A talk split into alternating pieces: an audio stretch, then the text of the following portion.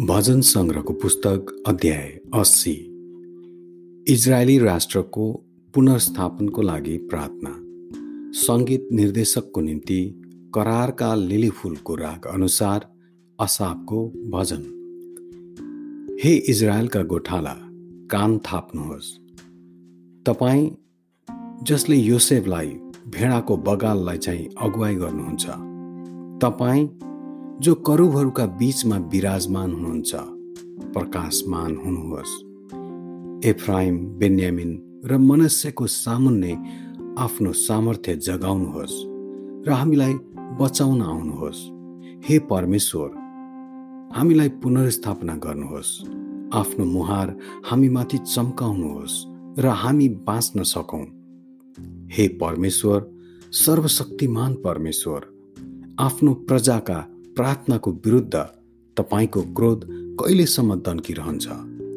तपाईँले तिनीहरूलाई आँसुको रोटी खुवाउनु भएको छ र पिउनलाई आँसु प्रशस्त मात्रामा दिनुभएको छ। तपाईँले हामीलाई छिमेकीहरूका लागि झगडाको स्रोत तुल्याउनु भएको छ र हाम्रा शत्रुहरूले हामीलाई गिल्ला गर्छन्।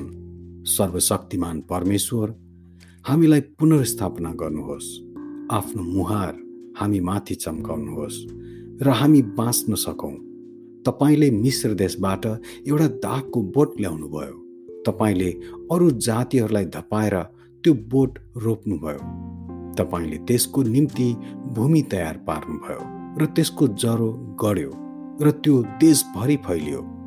पहाडहरू त्यसको छायाले ढाकिए र त्यसका हाँगा बिगाले शक्तिशाली देवदारूका रुखहरू छोपिए।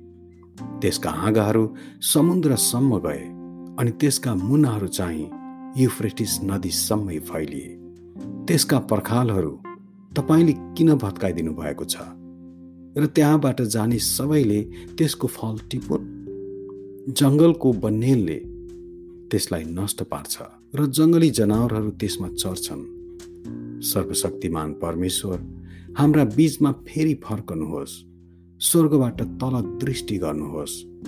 यस दागका बोटको हेरचाह गर्नुहोस्।